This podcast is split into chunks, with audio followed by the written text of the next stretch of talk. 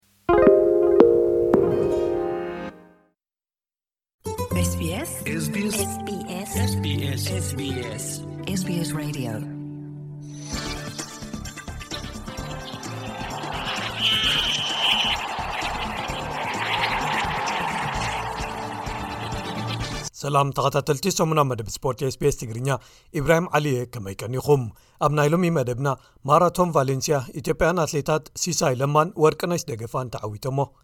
ሓንቲ ካብቶም ዝለዓለት ስም ኣብ ኣትለቲክስ ዓለም ወይ ውድድራት ነዊሕ ርሕቀት ጉያ እግሪ ኢትዮጵያ ዘለዋ ፀሃይ ገመቹ ብምኽንያት ዶፒንግ ወይ ምጥቃም ብቕዓት ዘደንፍዑ ንጥረ ነገራት እገዳ ተነቢሩላ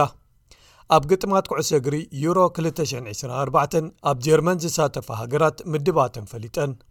ኣብ ናይዚ ሰሙን ግጥማት ፕሪምየር ሊግ ዓዲ እንግሊዝ ኣርሴናል ሊቨርፖልን ኒውካስትል ዩናይትድን ዝለዓለ ነጥብታት ከመዝግባ እንከልዋ ማንቸስተር ሲቲ ቶተንሃም ማንቸስተር ዩናይትድን ኣስቶን ቪላን ግን ነጥብታት ከሲረን ዝብሉ ገለ ትሕሶታት ንምልከቶም እዮም ሰናይ ምክትታል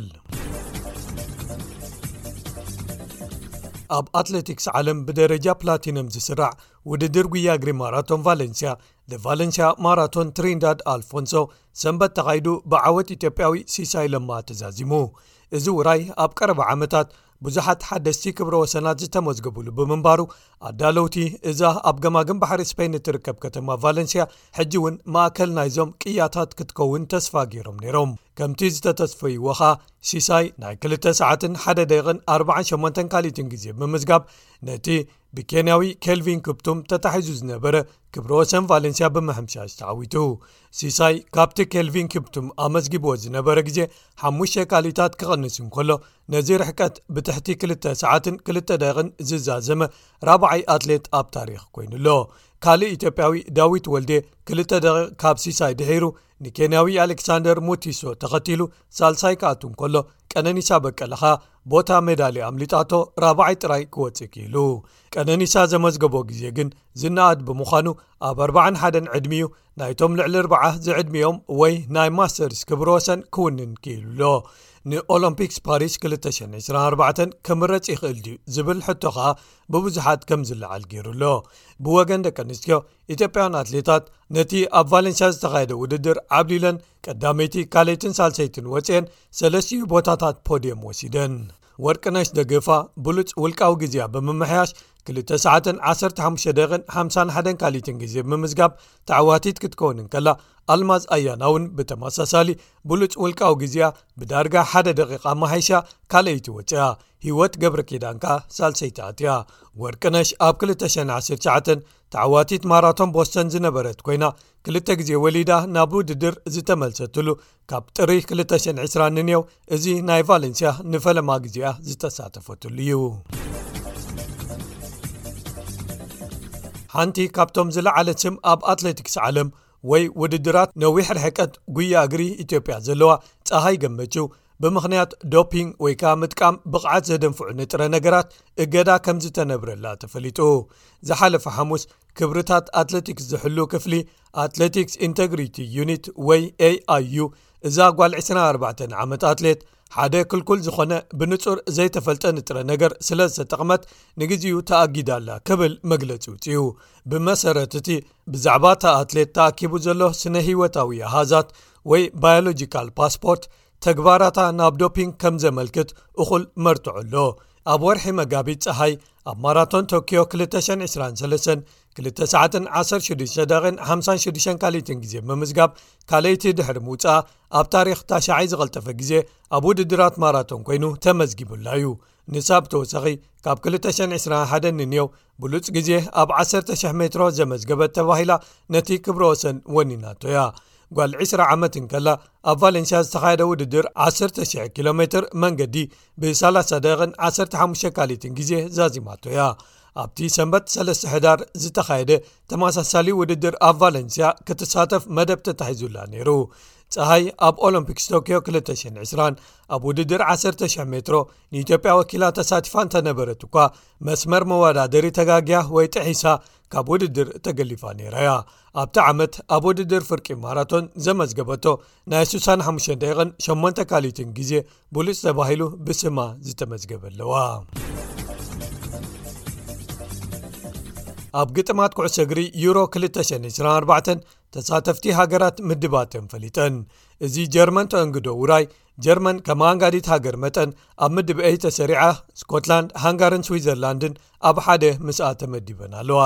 ሓደ ካብቶም ከበድቲ ምድባት ክኸውን ትፅቢት ዝግበረሉ ምድቢ ስፐይን ክሮኤሽያ ኢጣልያን ኣልባንያን ዘለዎ ክኾኑ እንከሎ እንግሊዝ ምስ ዴንማርክ ስሎቨንያን ሰርቢያን ኣብ ምድብ ሲ ተመዲባ ኣላ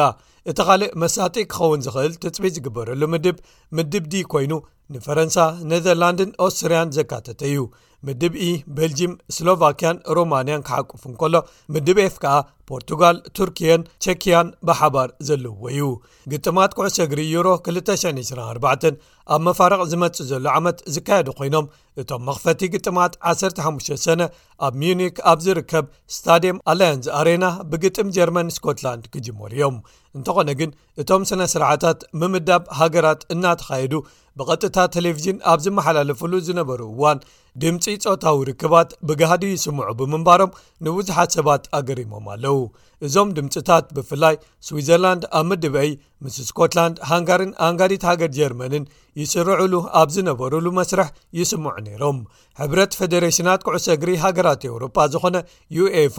ነዚ ክሰት መርመራ ከካይደሉ ምዃኑ ብወግዒ ኣፍሊጡ ኣሎ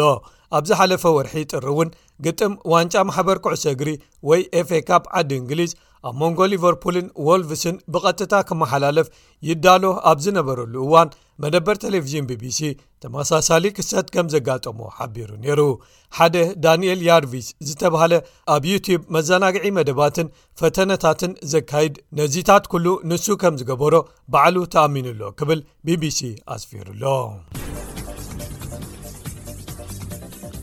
ኣብ መወዳእታኻ ክቡራት ሰማዕትና ናይዚ ቀዳመ ሰንበት ግጥማት ፕሪምየር ሊግ ዓዲ እንግሊዝ ኣብዚ ተኻይድሉ ክልተ ሽቶታት ኣብ ውሽጢ 13 ደቂቕ ንኣርሴናል ናይ ክልተ ብሓደ ዓወት ኣብ ልዕሊ ወልቨርሃምቶን ወንደርስ ምስ ሃባ መሪሕነት ተርታ ፕሪምየር ሊግ ኣደልዲላ ኣላ ባካዮሳካን ማርቲን ኦደጋርድን ነተን ሽቶታት ዘመዝግብዎን ነይሮም ኣንቶኒ ጎደን ኣብ መበል 55 ደቂ ሽቶ ዘመዝገበሉኻ ኣሌክሳንደር ይሳቅን ጋንቶ ኒውካስትል ዩናይትድን ኣብ ሜድኦም ዓብዪ ዓወት ኣብ ልዕሊ ማንቸስተር ዩናይትድ ኣመዝጊቦም እዚ ውፅኢት ማንቸስተር ዩናይትድ ዝመፅእ ዘሎ ኣብ ቻምፕንስ ሊግ መሕላፋ ኣብ ጠልጠል ኣብ ዝርከበሉን ፀቕጢ ኣብ ልዕሊ ሓላውልዳት ኣንድሬ ኦናናን ኣሰልጣኒ ኤሪክ ተን ሃግን ኣብ ዝበዝሓሉን እዋን እዩ ብዙሓት ንኦናና ብኽቡር ተገዚኡ ክንሱ ብዙሓት ጌጋታት ይፍጽም እዩ ኢሎም ኣብ ዝነቕፍሉ ኣሰልጣኒ ኤሪክ ተን ሃግን እዚ ሓላው ልዳት ብኣሃዛት እንተርእናዮ ኣብ ፕሪምየር ሊግ ኣብዚ እዋን ብብቕዓቱ ኣብ ካልኣይ ደረጃ ዩ ዝስራዕ ክብል ተኸላኺሉሉ እታ ሕግታት ፋይናንስ ማሕበር ኩዕሶ እግሪ ዓዲ እንግሊዝ ጥሒሳ ተባሂላ 1ሰተ ነጥቢ ዝተቐጽዐት ኤቨርተን ናብ ኖቲንግሃም ፎረስት ከይዳ ሓደ ባዶ ብምዕዋታ ካብ ዞና ምምላስ ንታሕቲ ወይ ሬሊጌሽን ዞን ንምውፃእ ተካይዶ ዘላ ጉዕዞ ሓደ ስጉምቲ ንቕድሚት ኣኺድዋ ኣሎ ቸልሲ ብወገና ብ1ሰተ ተፃዋቲ ንብራይተን ሰለስተ ብ2ልተ ክትስዕራ ክኢላ ፍልልያት ኣብ መንጎቶም ኣብ ዝለዓሉ ተርታታት ዝርከቡ ጋንታታት ፀበብቲ ኣብ ዝኾኑሉ ኣብዚ እዋን ሊቨርፑል ኣንጻር ፉልሃም ገጢማ ሳላሕ ሽቶ ከየመዝገበን ንዝበዝሐ እዋን ግጥም ኣብ ፍርሒ ኮይና እናሓለፈቶን 4 ብ3 ኣብ መወዳእቱ ክትዕወት ክኢላ ትሬንት ኣሌክሳንደር ኣርኖልድ ክልተ ሽቶታት ክምዝገባ ክኢሉ እታ ኣብ ትሕቲ ኣላይነት ስጳኛዊ ኡናይ ምሪ ክትምርሽ ዝጸንሐት ኣሶም ቪላ ምስ ቦንሞት ክልተ ብ2ልተ ማዕረ ተፈላለያ ምረሻኣ ክግታእ እንከሎ ሻምፕዮን ማንቸስተር ሲቲ ኸኣ ምስ ቶተንሃም ሆትስፐርስ ማዕረ ሰለሰ ብክልተ ተፈላለያ ገለ ነጥብታት ከሲራ ድሕሪ እዞም ውፅኢታት እምበኣር ኣርሴናል ብ33 ነጥብታት መሪሕነታ ኣብ ላዕሊ ክትዕቅብ እንከላ ሊቨርፑል ብ31 ነጥቢ ኣብ ካልኣይ ተርታ ማንቸስተር ሲቲ ብ30 ነጥቢ ኣብ ሳልሳይ ተርታን ይርከባ ኣሶምቪላ ቅሩብ ነጥቢ ከሲራ ብ29 ነጥቢ ራብዒቲ